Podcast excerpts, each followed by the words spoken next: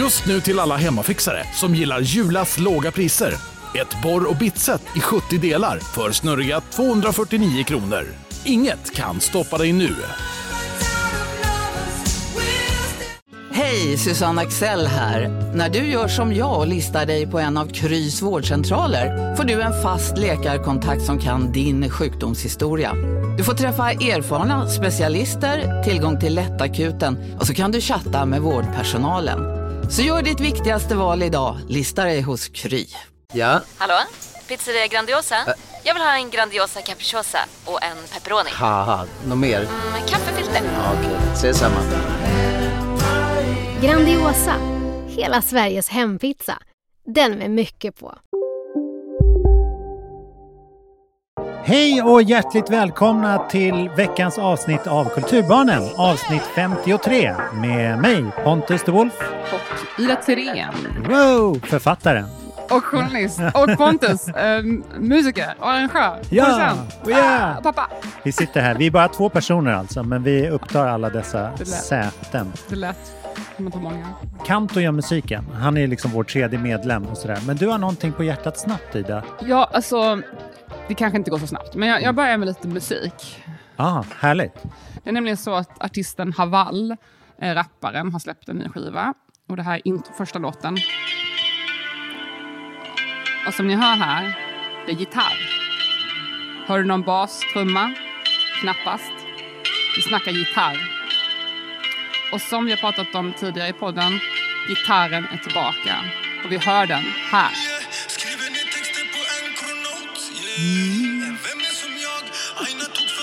Allting är Ja, Ja, gitarren är back alltså.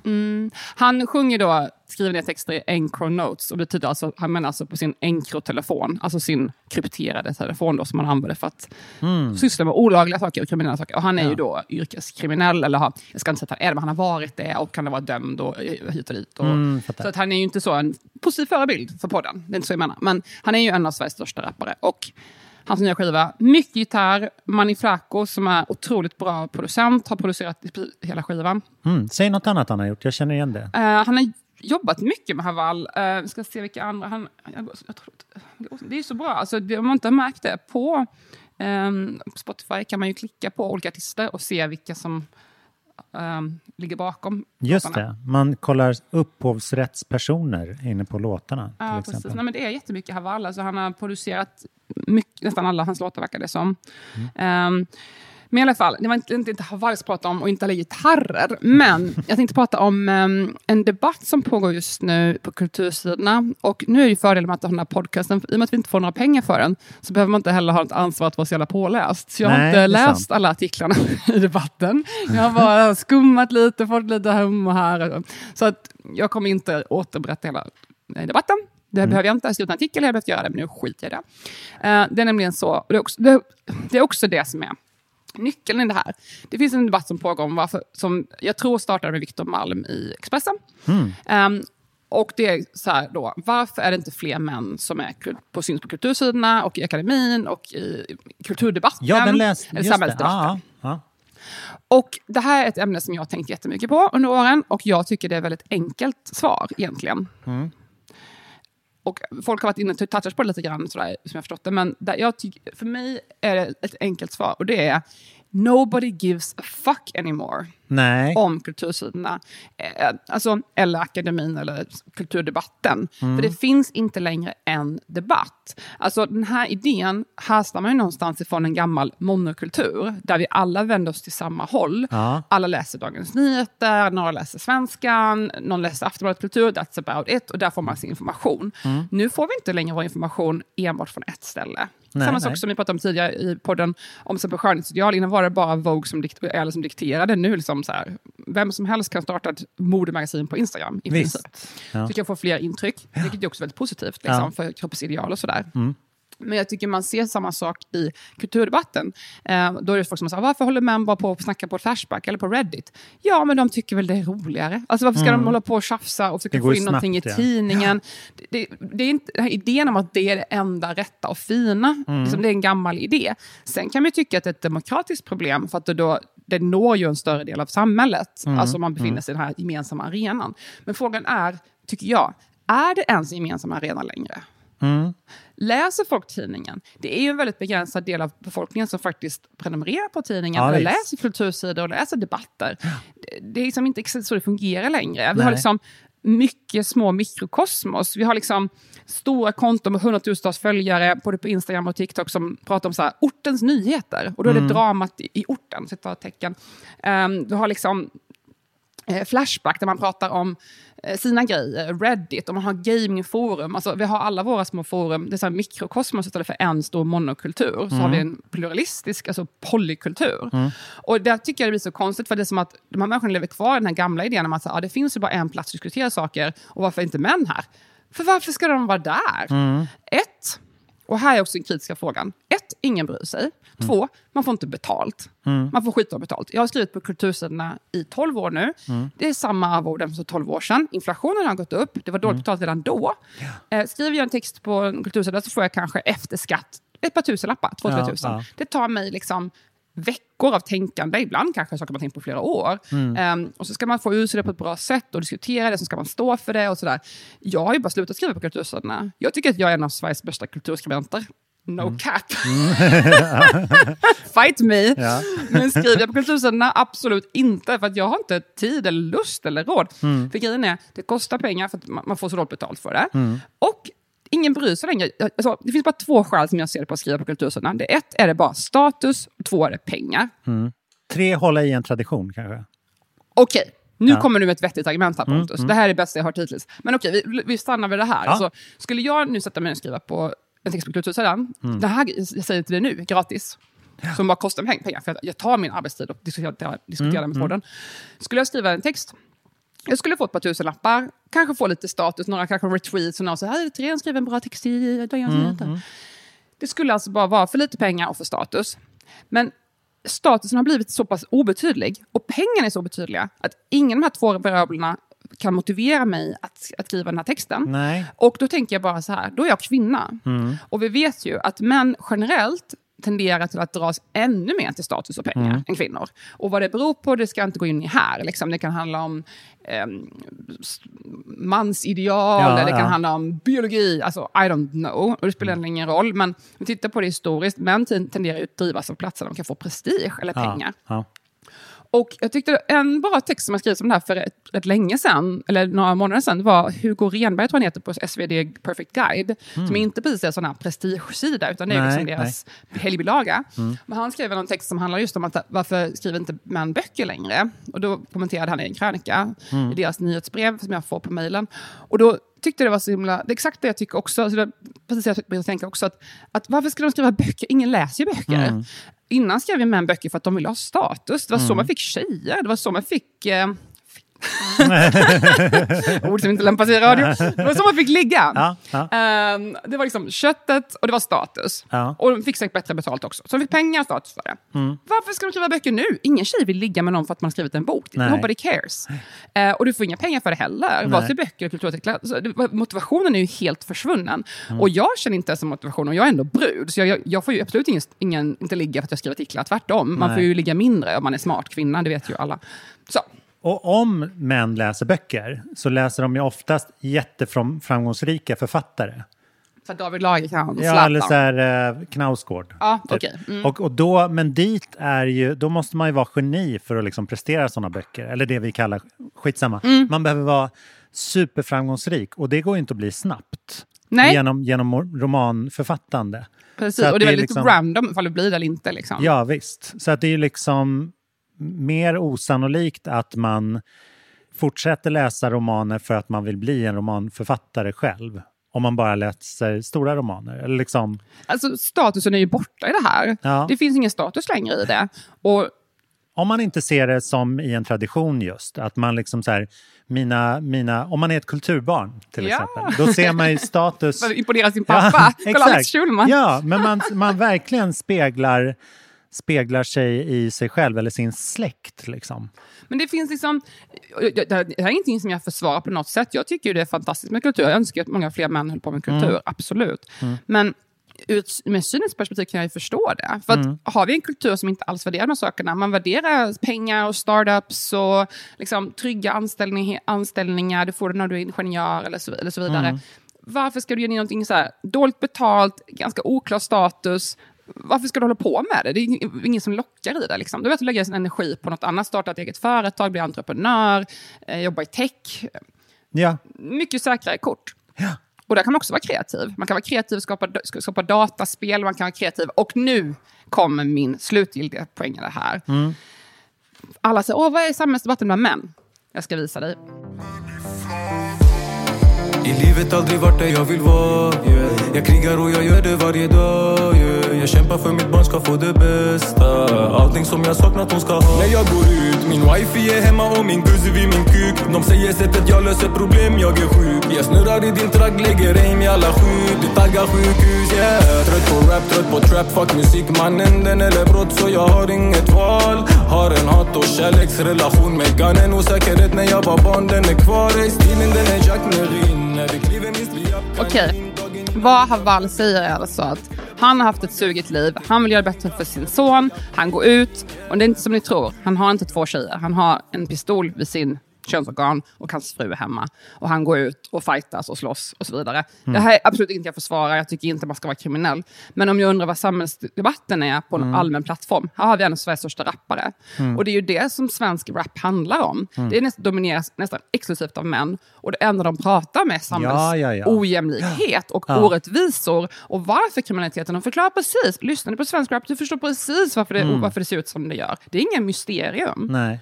Det är mansideal, det är normer, det är machokultur och det är också ojämlikhet där man saknar förebilder förutom de andra kriminella och man känner ingen hopp, känner hopplöshet för framtiden. Ja. Så att det är ingen mysterium. Det pågår en jättebra debatt. Ja, Sätt på rapmusik. ja. Största genren i Sverige. Du har pinpointat det. Var är de unga männen i kulturdebatten? De är were never här!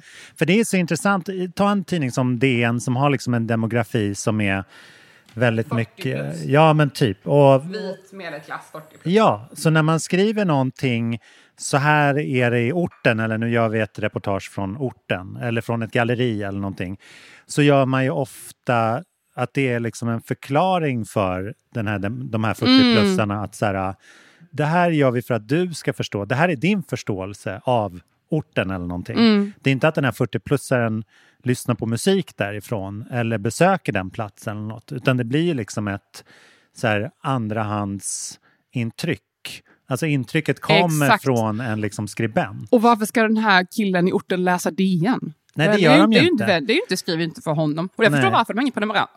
De skriver sina prenumeranter. Ja. Så det blir ju rundgång. Och där försvinner ju också liksom begreppet om debatt.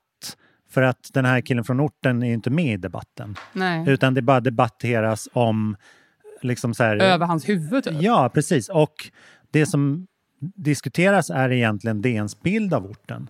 Mm. Och inte liksom själva orten. Om man tar orten som ett exempel. Det kan ju lika gärna vara landsbygden. Ja. Eller något sånt där.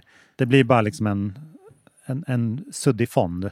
Det blir alltid det här En fantasivärld. utifrån. Liksom. Mm. Ja. Det är också väldigt intressant att du, eh, du kan ju se in i framtiden, har vi konstaterat många Jajamän. gånger. För idag tisdag när vi spelar in det här så, så publicerade DN 13.14 en uppföljningsartikel. Jaha, om alltså, det här. alltså vi träffas nu, vad är klockan, 14, vad är klockan nu? Eh, 15.27. Ja, jag har inte läst Så- den artikeln här eh, har unga män zoomat ut från kulturdebatten där de just följer upp det här. Eh, Den Mm. här Viktor Malm. Eh, så går de runt till sex olika av dagstidningarnas kulturchefer. Nej, men är det sant? Ja.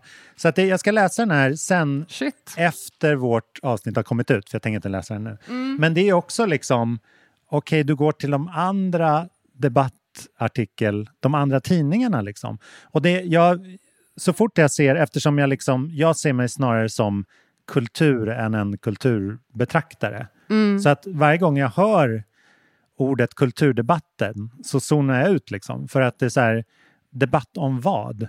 Är det debatt om hur bra kultur är? Eller Det handlar om vad, det finns ju två sätt att använda ordet kultur. Mm. Det ena är ju så här, en beskrivning av konst, musik och så vidare. Det andra är ju kultur som är strömningar. Mm. Ja, så det är väl det. mer det man syftar på på kultur, att man, vad är strömningarna i tiden? Ja. Liksom. För att det här verkar mer vara en debatt om eh, liksom kulturskribentdebatten. Eller så här, hur, varför är kulturskribentismen på nedgång? Alltså jag Ja. tolkar det som att kultur, jag, jag brukar tänka att kultur betyder Man två tolkar saker. kulturen. Ja, alltså det ena är ju bara faktiska kulturutövandet. Och det Mm. andra är ju så här, det, alltså kulturströmningar, kulturrör, alltså hur kulturen rör sig. Vad är, Mm. vad är som populärt nu? Om man tittar tillbaka till exempel, jag minns 2013, det var ju då så här jättestor explosion av så här, eh, transfrågor, lesbiska personer kom upp i offentligheten. Sa du 2013? 2013, Ja, jag minns mm. det väl för att det var min dotters födelsedag. Ah, ja, ja. Jag har det i huvudet. Och jag märkte att det var en explosion där. Liksom. Plötsligt, strax därför innan, kanske 2010, började man använda hen till exempel. Det här är ju Mm. kulturströmningar, det säger ju någonting om samhället, vad vi rör oss. Liksom. Så när, jag, när någon säger kulturdebatt tänker jag snarare att det det man pratar om, den här övre lagret, Mm. där man studerar uttrycken. Så, så det är ju liksom, det existerar både i action och i analysnivå. Just det. Man måste en, en överblickskoll. Liksom. Ja, precis. Som en sån här helikopter som tittar ner Ja. över, strömningarna i landsbygd. hur odlingarna ser ut där nere. Just det. Där hänger jag stundtals i den där helikoptern. Du hänger mest nere i odlingarna. ja, men samma här. Alltså jag, jag känner mig också mer hemma på marken i odlingarna. Ja. Men ibland är det kul att titta upp lite och kolla ner. Och det gör vi ju i podden. Liksom. Verkligen. titta ner ja. lite grann. Det är skönt att en dag i veckan Mm, ha dedikerat till det.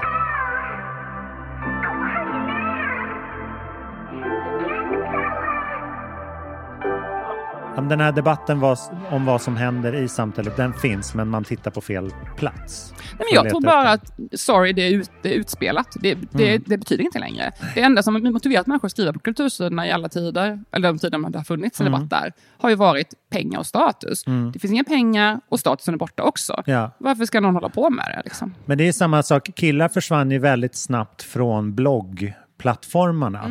Alltså de, det kom ju upp för ja, drygt 10-12 år sedan. Eh, och sen så gick liksom alla pengar som går in i, i blogg, eh, bloggosfären är ju liksom smink och mode och, och sådana prylar. Sånt som kan sälja till tjejer genom... Och sen så utvecklades det och blev liksom influencers. Det. Men det är väldigt få killprodukter som går att sälja liksom via det skrivna ordet. Så Fast det, samtidigt, de sidorna som vänder sig aktivt till killar, Mm. då är det ju otroligt värdefull marknadsföring. Alltså det vet ju alla som jobbar med marknadsföring, att den som vänder sig till män är den dyraste av allt. Det är bilar, det är klockor. Det är så svårt att nå män. just det. De är så svåra att få tag på. Ja. Kvinnor är liksom överallt där det finns kläder. Typ. Nu Ja. själv, raljerar jag lite, men alltså, Ja. Mm. det är ju lite så. Nya snygga kläder, tjejerna kommer vara där. Typ. Men där är ju killar jobbigare för att de köper ett plagg i den dyra Ja, ja. butiken och sen kommer de tillbaka fem år senare och så här, kan ni sy in den här knappen? Den har lossnat. Det är ju liksom million dollar question, hur ska man få män att köpa skit? Liksom? Ja. För de har ju inte samma, det är ju, vad det beror på, det är ju ytterligare så här, ja, kvinnor förväntas förnya sig för att de- de får inte längre, det är, annars tröttnar deras man Mm. på dem. Eller, Alltså vad det nu kan vara, det finns ju mycket som helst att säga om vad det beror på. Det är inte så att tjejer är puckade och måste shoppa hela tiden, utan det Mm. bygger ju på en struktur som är väldigt eh, toxisk för kvinnor och för miljön. Mm. Men det där är en helt annan debatt. Helt fel! liksom, det är inte särskilt många liksom, män som eh, är på Instagram heller. Nej, det är ju tjejplattformen, stor. helt klart. Och här, några killartister som är så här uh, eye candy. Liksom. Eye candy. Men jag, jag har hört någon sån siffra, jag kommer inte ihåg vad det var, så här, 70 procent av Instagram är kvinnor eller något sånt där. ja, Ja, ja, kan verkligen Men killar håller ju oftast på med gaming eller kollar på sport. Mm, Eh, eller, ju... eller tech. Alltså Ja. de, de klipper poddar till exempel. Precis! Behind the scenes. Verkligen. Men alltså, när jag tittar på mina killkompisar, då är det ju väldigt påtagligt att väldigt många av dem skulle vara väldigt duktiga skribenter Mm. om de hade bestämt sig för att bli det. Visst. Men de flesta av dem har ju valt andra saker som är liksom ja, mer lönsamma också kan man ju se det. Alltså, någon har startat en PR-byrå, någon driver liksom... Det är liksom inte så att man bara, åh, jag ska bli frilansande kulturskribent, så man får inga pengar. Vem Nej. fan vill hålla på med det? Alltså, apropå det här så har jag en annan spaning, om jag ska säga en sak jag tänkt på, som faktiskt knyter an till det. Det tänkte jag inte på, men jag inser jag nu när jag sitter här och dricker mitt kaffe. Och jag har lyssnat på två stycken dokumentärer på P3 ID, som jag tycker är väldigt bra också. Liksom det är ju- profiler eller biografier? eller? Nej, de är dokumentärer lite som så här, P3 Dokumentär eller så. Mm. Fast de vänder sig... jag- tror att de vänder sig, om man ska förklara, mer mot så akt- aktuella, samtida Mm. eh, personer. De hade till exempel en om, vad heter han, Mohammed Salah, Salah heter han det? Ja. Eh, fotbollsspelaren. Aha, ja. Och sen hade de en om, um, en om La Camilla från Ah, Army ja. of Lovers. Så det är mer så aktuella grejer. Ja. Så det vänder sig kanske lite, lite yngre publik, Mm, misstänker jag. mm. Men jag tycker det var många väldigt bra dokumentärer. Jag har lyssnat på många av dem. Många av dem. Och nu hörde jag två stycken här. Den ena handlar om Marina Abramovic, alltså konstnären, performancekonstnären, Ja. som har fått kultstatus Mm. från att vara en ganska obskyr serbisk konstnär till att bli väldigt berömd, umgås med popstjärnor och sånt här. Mm. Ehm, och så lyssnade jag på en idag precis som handlade om Steve O, alltså från Jackass. Aha, ja. Och för er som inte är bekanta med det här så var det alltså en grupp som blev stora genom MTV på den tiden man hade monokultur. när faktiskt folk tittade på samma program. Mm. Eh, och alla killar i min klass kollade på Jackass. Det, var Mm. som, det fanns inget annat. Och det är ju det som har gett upphov till dagens prankkultur. Alltså hela typ YouTube, TikTok. Visst, Så här. Det är ju ja. Jackass liksom. Fast modern tappning. Och de gjorde mycket sjuka här. Alltså, kastade runt baj- bajamaj och tände eld på sig själva. Och liksom. Skateboardar in i en vägg. Liksom. Exakt. Ja. Och det kommer lite förankrat i skatekulturen och sådär. Men det jag tänkte på där är ju lite samma sak. Alltså så här, mycket det Marina Abram Abramovic gör och har gjort, det hon blev mest känd för, hennes stora genombrott, var ju när hon la fram ett gäng verktyg framför sig och sa ni får göra vad ni vill med mig med de här verktygen. Mm. Och publiken började så här, sakta men säkert, först liksom lite mjukt och sen mer och mer aggressivt började liksom hugga henne eller hon har, någon skar henne i nacken så det började, hon fortfarande har ett ärr från det. Jaha. Och någon la handen, i- till slut var det någon som efter många timmar av det här, var det någon som la liksom en pistol i hennes hand och i princip höll på att få henne att ta livet av sig. Och hon stod bara där och lät Mm. dem göra vad de ville med henne och då stoppade publiken den här personen. Och hon säger själv att hade det inte varit att det var så mycket folk där så hade folk våldtagit henne. Liksom. För det var Mm. som att folk tappade alla spärrar. Jävlar. och släppte fram en så här inre Ja. sjuk sida i folk. Och det, det här tycker jag är så intressant, för hon då håller sig fram som en av världens främsta performanceartister och verkligen så här, den performanceartisten. Mm. Och jag tycker själv, jag är stort fan, jättestort fan själv, så det är verkligen med all rätt. Men när man lyssnar på, tyckte de gjorde en bra spaning där i P3 I, det är också säkert fler som drar den slutsatsen, men det de gjorde i Jackass, det är ju också performancekonst. Det är väldigt nära besläktat liksom, Mm. med hur de håller på liksom, och nästan gör vad de vill för publiken. Liksom. Mm. Och det hon gjorde, vad är egentligen skillnaden? Skillnaden är att hon kallar sig för konstnär och de Mm. kallar sig för jackass. Ja, vad spännande. man tittar på ett självskadebeteende. Ty- Eller någon som Ja, skadar. eller man, man liksom utforskar gränsen för Ja. människan klarar av på Mm. något sätt. Men för att den ena är liksom en outbildad grabb som röker gräs och Mm. den andra är liksom en, en eh, konstnär. Ja. Um, och apropå det vi pratade om precis nu, så här, att vi tänker att kultursidorna, men där, varför är det inte fler som skriver kultursidorna? Det här är Ja, det ja, enda ja. rätta och fina. Mm. Men betyder det att diskussionen som pågår på Reddit inte är lika bra? Mm. Eh, det är ju motsvarigheten till Jackass. Liksom. Men det är ju fortfarande lika intressant egentligen om man bara tittar på vad det faktiskt sker. Man pushar gränsen på samma sätt. Det är bara olika inramning för det hela. Mm. Och visst, man kan ju hävda att det, just den demokratiska aspekten, som du var inne på, den tredje argumentet du är inne på, att upprätthålla Mm. en tradition, eller så här, att Mm. tillgängliggöra det i en offentlighet. Alltså, jag vet inte om Reddits arkiv sparas ner och går att forska på i, i framtiden. Mm. Mm. Däremot det som finns på kultursidan är ju lätt, lätt, lätt att, att dra slutsatser för i framtiden. Mm. Men att sätta sig där, nu ska jag skriva en artikel på kultursidorna, det är ju liksom en helt annan ambition, eller alltså ett anspråk. Ja. Det betyder inte att man är smartare än någon som skriver Nej. skitroliga grejer på Flashback. Och det är ju lite den här liksom uppdelningen, ja. men, samma som Jackass och Marina Abramovic. Alltså, Mm. Det är lite där vi snackar typ. Ja. Och då har ju många män hamnat i det här att om jag ändå inte får någon status eller pengar från någon som håller på, varför ska jag anstränga mig ska, och liksom göra det här andra? Ja, då är det lika bra att bara göra Jackass av det hela. Liksom. Ja, men det är väldigt intressant för att det är även tidningar och sånt har ju både, de har ju verkligen intresse av att vara den här institutionen som betyder Exakt, de har mycket. ett egenintresse. Ja, och även de som skriver där, för de vill ju inte att deras karriär ska vara en lögn. eh, men, Jag kunde lika gärna skrivit från Flashback. men det är också sånt här som liksom har någon slags bäring utomlands. Jag tänker att om man så här, om man skriver om svensk kulturdebattklimat så går man ju till så här, vad säger de största svenska tidningarna Ja. fortfarande? Det, det, Inte så här, vad säger de på forumen? Nej, Nej, exakt. mm. På svenska Flashback Forum hände det här. det, det har aldrig skrivits om i utlandet. Och det är lite som att så här, man tittar ju, eh, man kopierar ju och delar ilskt saker som skrivs och syns i rysk media nu för tillfället. Vad de säger i de här debattrummen och så här. Och att det var någon i en tidning eller på ett tv-program som skrev att, eh, att Moskva har i förlängningen har de rätt att försvara urbefolkningen på Gotland. Alltså de, de hävdar att det liksom i, i ett övertagningsförsök för flera hundra år sedan så, så bodde det kvar några ryssar där och då har de i princip räddat då, quote unquote, skydda dem genom att åka dit nu. Och, Alltså de har ju den här idén om alltså allt som någonsin har varit ryskt kommer bli ryskt igen. Liksom. Det är en retorik. Mm.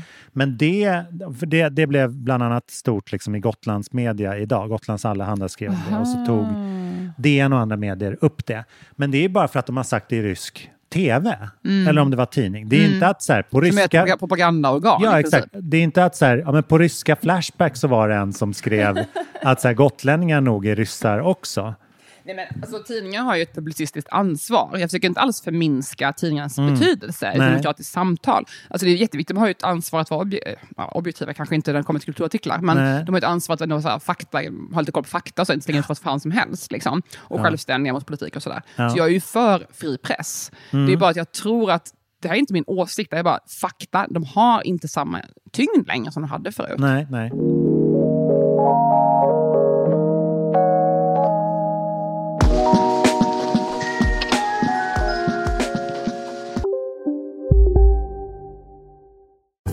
Hej, Synoptik här. Visste du att solens UV-strålar kan vara skadliga och åldra dina ögon i förtid? Kom in till oss så hjälper vi dig att hitta rätt solglasögon som skyddar dina ögon. Välkommen till Synoptik. Upptäck hyllade XPeng G9 och P7 hos Bilia. Våra produktspecialister hjälper dig att hitta rätt modell för just dig. Boka din provkörning på bilia.se xpeng redan idag. Välkommen till Bilia, din specialist på XPeng. Dåliga vibrationer är att gå utan byxor till jobbet. Bra vibrationer är när du inser att mobilen är i bröstfickan. Alla abonnemang för 20 kronor i månaden i fyra månader. Vimla! Mobiloperatören med bra vibrationer. Vad har kan- du tänkt på Pontus? Jo, men jag har faktiskt tänkt på ett litet stä- ställe där kultursidorna faktiskt har betydelse. Nämen. Fast ur ett, ur ett underifrån perspektiv. Mhm. Eh, det är så, jag har inte tagit in så mycket kultur. Jag har utövat väldigt mycket kultur den här helgen när jag hade min eh, Just jazzfestival. det. Fick jättefin recension såg jag i Dagens Nyheter. Exakt, och det var det jag tänkte komma Äh. till. Sorry. Ehm, det var ju liksom, jag hade ju en, en eh, endagsfestival eh, som hette Jazzagenturen and Friends. Eh, jazzagenturen som är både mitt skivbolag och mitt bokningsbolag och det jag släpper musik under på Legend. Spotify. Ja, Pontus. PR. Ehm, nej men det, det var... um, Och det här, den här festivalen grundade jag under pandemin. För då fick man ju liksom inte ha livekonserter utan bara streama. Så det var under den tiden som jag började ha de här på Södra Teatern. Eh, och sen så hade jag en i fjol där man fick ha liksom 50 pers Där var jag. där var du! Du var 49 plus Ida Thyrén. Så att det var väldigt spännande att liksom prova den här out in the wild, det här konceptet, liksom, när man har, får ha fler än 50 Vad pers. kul. Ja, och att det, då ställer det lite andra krav också, för att då blir man ju plötsligt tvungen att så här, eh, ha en ekonomi kring det hela. Så att det inte bara liksom... Förra, förra åren har det rullat på bidrag, liksom, för att det är så här... Håll igång, håll igång som Kulturrådet sa. Ehm, men, eh, men så därför så var det liksom lite större risk och lite mer engagemang och lite så här lära sig hur saker och ting verkligen fungerade. Så liksom, eh, men det, det fungerade mycket bra på sina håll och på andra håll så fick jag liksom utvärdera och ta med mig grejer till nästa år. Vad var det Och så. då? Jo, ja, men till att börja med så var det eh, väldigt bra att ha en... Eh, jag börjar med det positiva. Eh, som var till exempel den här recensionen. Som, Så som var, kul. Ja. Eh, quote, Carl Bagge och hans kvartett visar vägen framåt för jazzen idag. Underbart att Det är höra. en väldigt bra rubrik. Eh, och det var liksom eh, öppningsakten. Carl Bagge är en kompis till mig som även är konferencier på de här dagarna. Svinduktig jazzpianist som har liksom kompat extremt många artister från, så här, från Robin till eh, eh, Rigmor Gustafsson eller Isabella Lundgren och väldigt mycket inom jazz men även inom pop. Skrev massa musik med Klerup. Han hade, De gjorde en, en eh, musikal som hette Aniara Ah, ja, det minns jag ju. Mm. Ehm, och är sådär väldigt prominent herre. Men nu släpper han sin soloskiva. Ehm, så då hade vi, hade vi ett jätteroligt ehm, första samtal där vi är så här, vi är mycket för, för kulturblandning här i, kul, i vad heter vi? Kulturbarnen, vår podcast. Avsnitt 53. Eh, nej men de är nämligen sammanförda på, med lite goda ord. Eh, han och min, min frus bror Sigge Billgren som är konstnär. Så han hade gjort eh, omslaget. Så att det föregicks med ett litet samtal vi hade om så här, konst och musik och att, att eh, föra samman. Det var väldigt lyckat. Eh, det är sånt vi gillar. Och sen så var det en fantastisk konsert.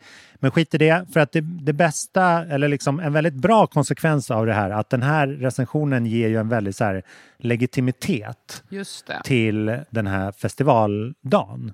Dels att man kan liksom säga att så här, ja men kolla nu får den respekten hos liksom DNs recensenter. Nu kan vi liksom använda det här som att vi är en, en relevant del. Ni kan inte längre, ni kan inte använda så här, någon på Flashback tyckte min festival var bra i kultur, Kulturrådets ansökan. Precis. Mm. Nej, men det, det ger ju en väldigt så här...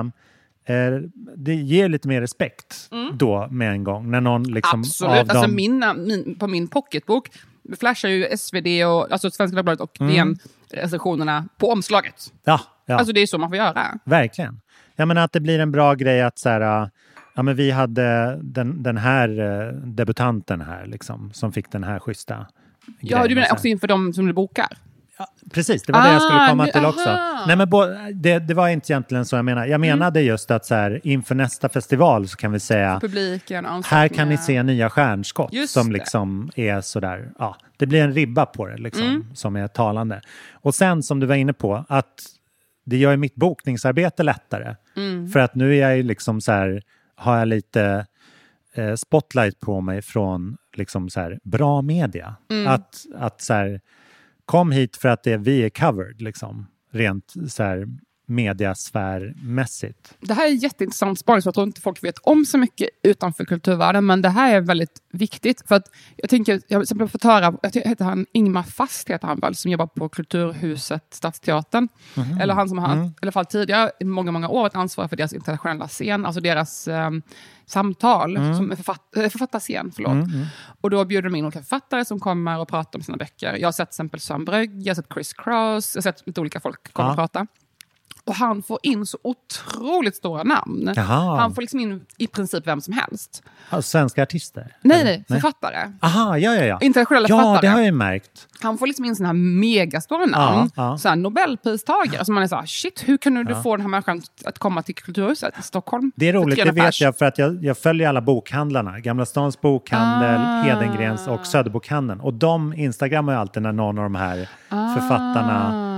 Ska snacka där. För de glider ju runt på bokhandlarna. Liksom, Just dagen det. Ja, men vad kul. Nej, men det har blivit en sån grej. Att han har hållit på så himla länge där och fått upp... Så, jag, jag, vet inte exakt vad det beror på, om han är väldigt trevlig och väldigt Mm. initierad. Liksom. Det har blivit som en självfyllande grej. För det är Mm. så här, förra veckan var Sadie Smith här, Mm. då vill inte du komma också? Eller förra veckan var liksom Elfriede Jelinek här. Ja, men Ja. då är det klart att vill man ju själv synas i samma sammanhang. Mm. Så det blir ju som att det är väldigt hög status på den här scenen för att Ja. så många andra kända författare har varit där. Så det, det fortsätter liksom bli bättre. och Ja. men nu precis i höst tas den platsen över av poeterna Athena Farrokhad och Ida Linde som kommer jobba i, i, som en duo och sköta den här litteraturscenen. Så vi får se hur det blir då. ja, verkligen stora skor att fylla kan man säga. Verkligen. Det där är mitt mest värdefulla trick när jag bokar Mm. eller, eller gör liksom samarbetsprojekt och sånt där. Min favorit är när jag och Salem gjorde en skiva med Glada Hudik-teatern och musikal. Så skulle vi ha så här gäststjärnor på skivan och skrev, specialskrev en låt till Hasse Alfredsson. Eller, eller den var snarare så här att det var så här, vi gör något, det var en av karaktärerna i Trollkarlen från Oz är ju en hund. Så att vi så här, ja men vad, ska, vad kan man skriva för låt om en hund? Vad är, vad är en hund? Det är ju människans bästa vän, liksom, Mm. tänkte vi. Och så här, ja, vi skriver en låt som heter Hundens bästa vän. Så som så här, Aha, ur dens perspektiv. Ja, precis. Vem är hundens bästa vän? Så här, kan vi göra det? Kan det vara Mhm. Det är ju människan? du. Exakt. Och det låter ju som en, en Hasse och Tage-låt. Så här. Mm. Man har ju så här, Gula hund, Gröna Just hund, det. det he- hette deras grejer. och så här.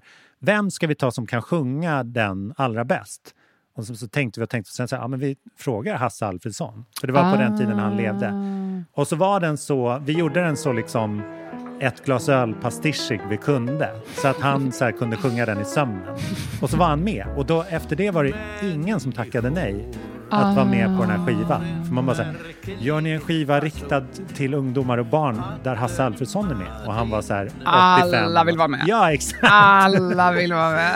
Och det gäller ju liksom mitt, mitt ställe på Stelor, eller på Gotland, Stelor, Mm, just- som just också är så här, också. Mm. vill du komma hit och spela i år har vi väl Lisa Nilsson. Just eller så, här, det. ja. Så att man, man säger alltid det coolaste namnet först. Liksom. Men så tänker, tror jag många tänker när det kommer till till exempel att locka in publik. Ja. Men det är ju ännu också intressant att göra så i förhållande till eh, deltagare. Ja, och det blir ju en så här, om folk har ju oftast, alltså ju större de är desto högre krav har de ju. Mm. Så att det blir ju också en så här, om någon hotshot tackar ja, då, och särskilt ett andra år, om Just hotshoten tackar ja det. två år i rad, då, Då har man ju det tagit väl, bra. ja, och då har man tagit väl hand om den Just personen. För att det är liksom, för stora artister så går det ju att välja och vraka. Då är det kvalitetssäkring platser. så då vet de att här kommer inte vara någon fuck-up utan det här Ja, kommer vara bra precis. arrangerat. Ja. Och liksom. Det här var mitt lilla skryt. Nej, men, ja, du, nu tycker jag du skryter för lite Pontus. Ja, det här, Eller, var, det här är väl tips? Kan vi maskera Alltså, som tips? ni som lyssnar, erkänn att Pontus skryter för lite. Jag tycker han borde skryta mycket mer. Jag skryter mycket Gulle. mer än dig. Men alltså, jag måste också säga en sak apropå skryt. Alltså, det här är min hjärtefråga. Jag har så många hjärtefrågor, men här är ännu min hjärtefråga. Alltid varje, så stort varje vecka hjärta. har jag många, ja, precis, jag har så stort hjärta allihopa. Jag skryter aldrig, jag har så stort hjärta. Nej, jag har, jag, jag har stort hjärta men jag skryter också. Men, men så här är det, jag tycker att vi glömmer ihop bort att det är, när man sysslar med kultur, då vill man ju, om man tycker om någon, Mm. typ jag tycker om dig Pontus, jag vill veta vad du gör. Då vill jag att du informerar mig vad du gör. Det, det är inte som att du skryter.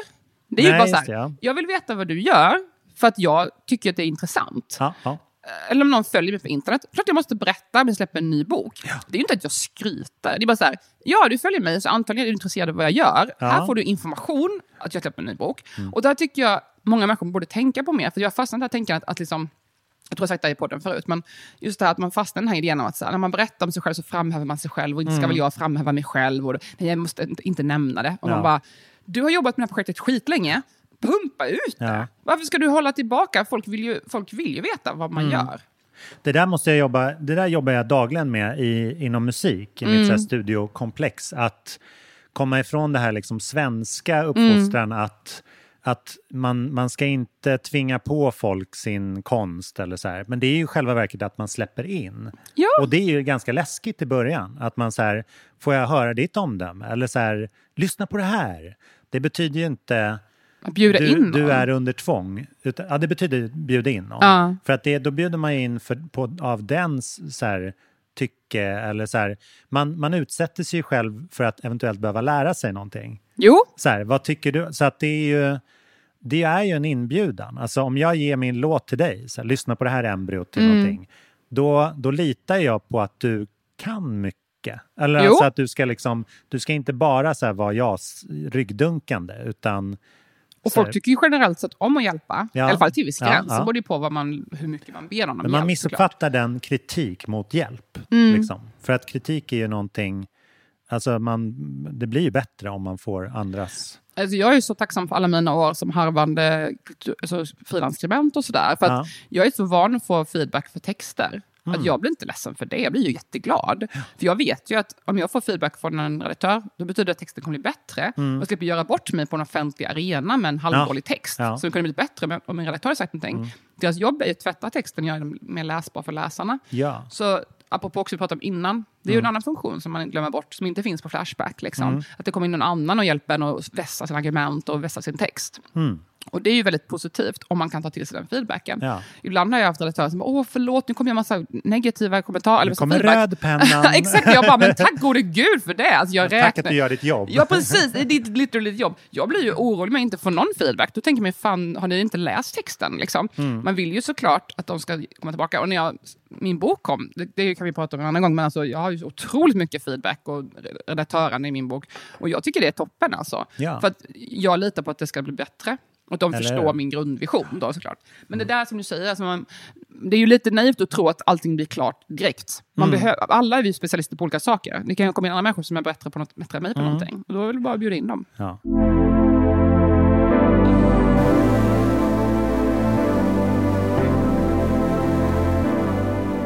Det andra som var otroligt bra på den här festivalen, förutom alla som spelar, var ju eh, att ha ett rejält så här, slut, eh, slut, avslutningsshow.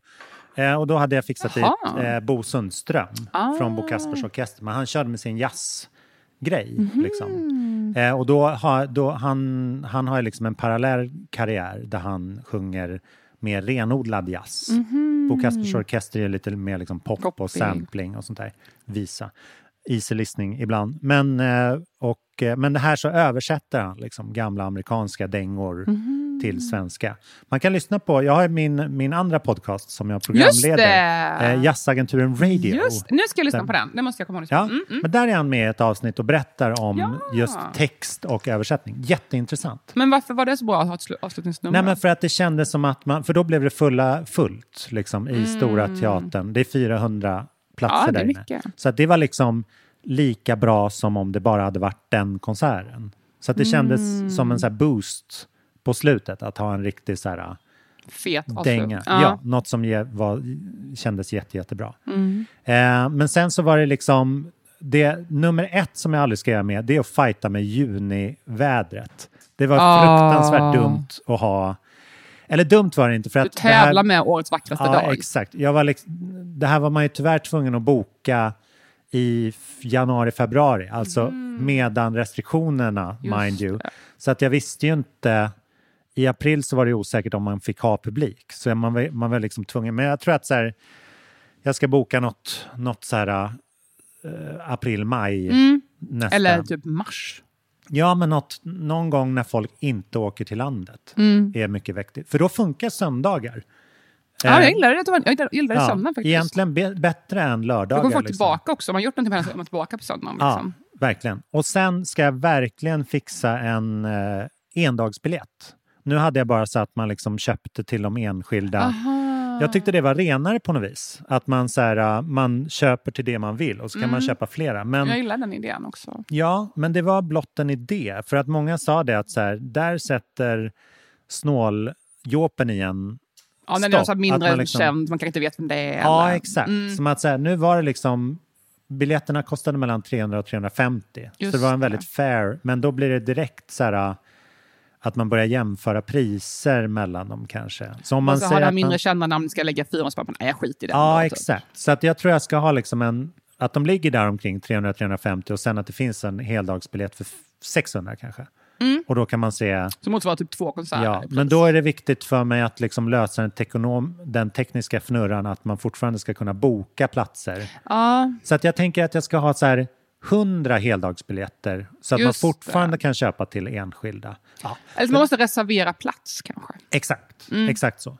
Men så att det här är ju så här uh, väldigt behind the scenes, men det är ju Mm. sånt som verkligen avgör om saker finns eller inte. Det lite det vi gör här i podden. Vi av, avmaskerar den här Ja, ja. mystiska branschen. Precis, Jag såg att Lollapalooza kommer ju vara nu i juli. just det. Och om ni jobbar på Lollapalooza, ring mig, för jag vill jättegärna gå. Men jag tyckte Ja. det var lite dyrt. jag har inte riktigt Ja. råd, men jag, jag, jag, kan gärna gå och rapportera från uh, Kulturbanan. Uh, Ackreditering heter det. Mig. Ehm, nej, men det kostar, man kan köpa antingen en dagsbiljett eller tre dagar. Eller en, dag, Mm, två, mm. en, två eller tre dagar. Ja. Och jag tror den tredagsbiljett kostar någon, några tusenlappar, typ två och ett halvt tusen eller Mm, någonting. mm. Och det är ju ganska mycket pengar. Ja. För mig i alla fall. Ehm, men jag förstår ju vad det, kostar. Jag har Mm. pratat om tidigare på den, att det är väldigt dyrt. Så jag tycker verkligen Ja. inte hejta på någonting, men Nej. det är för mig ganska mycket pengar. Men däremot kan man ta med ett barn, 0 till 12 år, och de kostar 250 kronor för en tredagarsbiljett Jaha, i vuxet sällskap. vad kul! Så jag skulle kunna gå med typ fem barn. Så, så jag kan ta era barn. Om ni betalar min biljett kan jag ta era barn. Äh, Vad nej. spännande, då kan du ta del av någon sån här barnomsorgspeng kanske. Eller. Precis. Dag- dag- dag- Dagmamma. Nej, nej, men jag tyckte det var, tyckte jag var nice. Alltså. Jag, Ja. jag, jag tänkte så fall kanske gå med min dotter. Ah. Ehm, hon, kanske, hon fyller år i juli, så jag kanske köper present till henne. Men gud vad roligt. Så att hon gillar, Little, hon gillar Imagine Dragons och några band som spelade Mm. där. Ehm, men nu har jag glömt att berätta att jag var ju på festival fredags. Jag var ju på Rosendals Rosendal, ja. Som ju lyckligtvis gick, det var rätt framgångsrik. Är det så? Jag har inte hört någonting om Nej, det. ganska bra, ibland inte. Men berätta Har du, din hört, upplevelse. eh, har du hört då? Nej, men bara att det är liksom att de, eh, de fick testa sitt koncept och att det gick liksom eh, bra och väl. Mm, Det var minst liksom 10 000 där.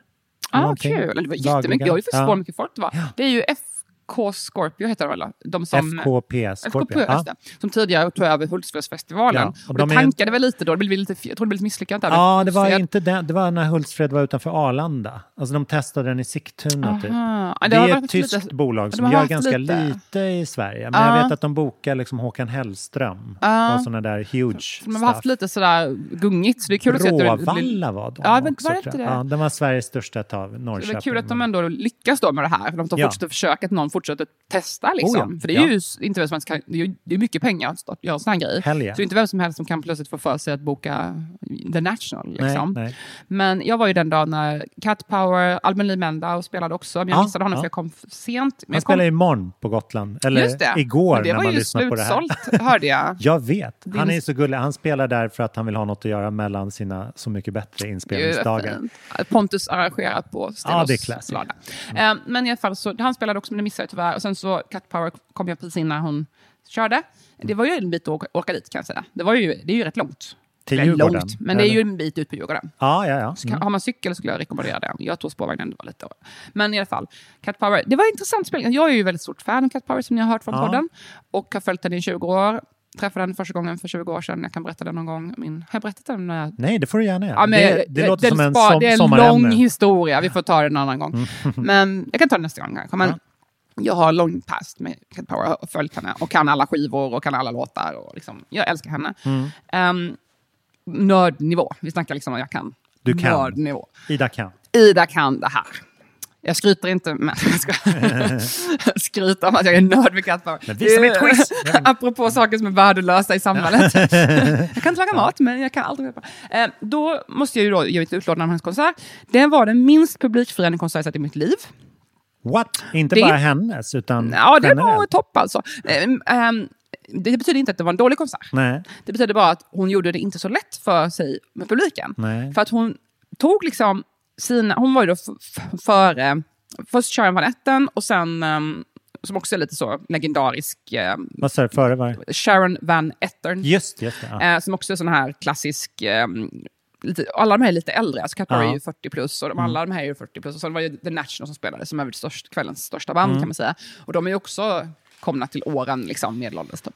Så att det var liksom, en ganska, publiken motsvarade ju det här. Mm. Och också där- därför tror jag de kan ha de här höga priserna som är konstruerade. Ja, mm. För att ah, jag var liksom yngst. Eller Ah, min kille ja. och hans kompisar var yngst, men efter det. De gick på din barnbiljett. jag hade. Ah, Nej, men alltså det var 40 plus Ja. på publiken alltså. Eh, så att jag förstår att de kan, då kan vi ta 800 spänn och sen kan vi ta liksom, då kostar det per dag då. Ja. Och sen kostar det så här, en öl 90 spänn typ. Ja. Eh, och det funkar ju när Ja, det är folk som går ut en gång om året. Exakt. Så, så det är ju, de, kör, de har sin målgrupp liksom. Mm. Men Cat Power då, hon, hon spelade klockan halv sju, fortfarande ganska ljust ute, liksom inte så party mode Nej, riktigt. nej. Och det var långsamt tempo.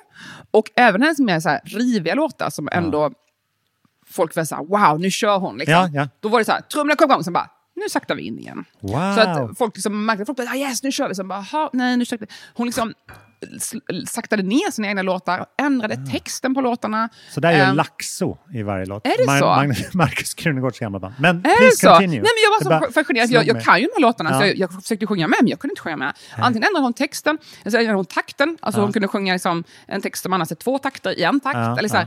Alltså, det var liksom... Hon gjorde helt sin egen grej. Det var Mm. intressant för mig att se, bara, "Ha, så här gjorde hon om den här låten. Hon remixade sig själv, alltså hon gjorde covers Mm. på sig själv. Det här är ju en covers-turné Mm, hon håller på med, för den senaste skivan är också covers-album. Hon har släppt, släppt flera Och den är covers-album. ganska folklig. Eller liksom, den ja, är den är ganska main, alltså, Ja. mainstream. Liksom. Men hon, den här spelningen var ju inte det minsta Nej. mainstream. Och hon gör liksom covers på sig själv i princip, Ja. och så gör om. Så att det, all heder till henne, hon kör sin grej, jag tycker det är coolt. Alltså. Mm. Men om man inte är på min nivå, alltså så supernörd med det, då kan jag förstå att det blir så oj vad är det här? Var det det här som var Cat Power? Exakt. För hon har ju också fått mycket Exakt. mer coverage än tidigare skivor. Ja, alltså, i, precis. Alltså, mittenuppslag och Så de hade ändå ett band, liksom, trummor, och piano liksom, Mm. och gitarr och sådär. Men de stod ju mest där och plinkade liksom, i Mm. bakgrunden. Så det, det kunde varit mycket mer ro- eh, rock and roll. En annan rolig grej gällande presentationen på den här, som måste vara generellt, men det här var ju verkligen en så här dagfestival. Det var, att det, det var ju som liksom hög klass på de internationella artisterna och även Snoa, Legra som är svensk men solartist som har slagit igenom utomlands. Som, de blev ju lite överrumplade av att det var ljust Ja, i Sverige just för att det är juni. det. Så att de hade, det här är lite så här inside snack. Att de, Just. så här, de hade med sig sin kvällsljusrigg. vilket gör att det, är så här, det ljuset syns inte på dagen när det är så här dagsfest. Just det, men det Kattpapp också, det var ju fortfarande ljust. Ja. Det var mycket mys, det var lite så skymning. Ja men exakt, och då måste man ju ha rökmaskiner till exempel. Så Ah. att ljuset har något att gå igenom så att det Ja. syns. För att annars så blir det ju bara, man, man sätter en lampa utomhus. Så, här. Just det. så, så det var en, en rolig grej som folk inte hade tänkt på Det är riktigt. faktiskt ganska kul. För det är så här årets Ja. ljusaste dag. Typ. Ja, ja, exakt. Så här veckan innan årets ljusaste Ja, dag. men medan så här, klockan åtta i något annat land är ju mörkt. Ja, ja så Så- det blir ju mörkt nu klockan elva. Ja, typ. ja, Ah. Ja. Men med de orden så måste jag dra. Men gud, att- Ja, men hann du säga nu alla dina tips? alla mina tips, jag tror det. Eller jag hann prata om min eh, festival i alla fall, som var hemskt, hemskt roligt. Ehm, så att jag ska göra om den nästa år. Vad ska vi tipsa om nu då? Nu, nu ska vi runda av. Kolla in Pontus nya låt. ja, just det. Jag två nya låtar. Summer of Love med Color Red och Susie Bye Bye med Pontus de Wolf. De får ni gärna kolla in. Två låtar. Ja, du ser. Och Vad så lite olika spelningar på Stelås Ja, lördag. hela sommar. Så att är man på Gotland i sommar är det stor, stor chans att du får din bästa upplevelse. Om man vill träffa Pontus de Wolf live. Exakt. Eh, jag... Nej, jag, vet inte fan alltså. Grattis jag, på födelsedagen. Tack, jag har ju fyllt år. Jag ska, nu ska jag på Big Tifa efter detta. Ja, mäktigt. Äntligen. Jag snackar säkert om det här nu ett halvår i podden känns det som. Eh, vad kan man säga? Eh, jag har nog inget att promota direkt. Man Köp känner- min bok, sommarbok. Ja. Finns som ljudbok, finns som pocket. Väldigt bra sommarbok måste jag säga. Magi. Den utspelar sig i juni. Ja, Mm. det passar. Vi hörs! Tack att ni lyssnar. We love you. Glöm inte att ratea oss. Det betyder jättemycket för oss om ni slänger in en recension på Spotify, iTunes, vilken ni använder. Sätt en stjärna, stjär, många stjärnor. Det betyder jättemycket för oss, för det är fler som hittar oss då. Vi blir jätteglada. Och tipsa en kompis. Ja, då Om ni kan vi göra tyckte ännu vi hade- bättre innehåll. Ja, om ni tyckte det här var ett bra sätt, tipsa någon. Hej då! Hej då!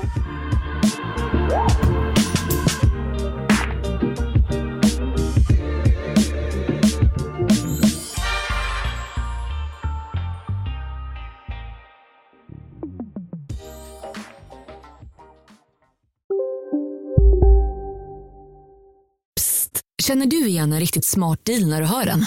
Träolja från 90 kronor burken. Byggmax. Var smart. Handla billigt.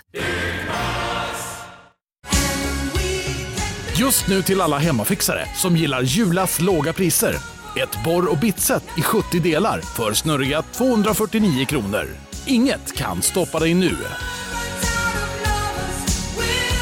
Välkommen till Unionen. Hej! Eh, jo, jag ska ha lönesamtal och undrar om potten. Ja, om jag kan räkna med övertidsersättning för det är så stressigt på kontoret jag jobbar hemma på kvällarna så kan jag då be om större skärm från chefen för annars kanske jag säger upp mig själv. Och hur lång uppsägningstid har jag då? Okej, eh, vi börjar med lön. Jobbigt på jobbet. Som medlem i Unionen kan du alltid prata med våra rådgivare.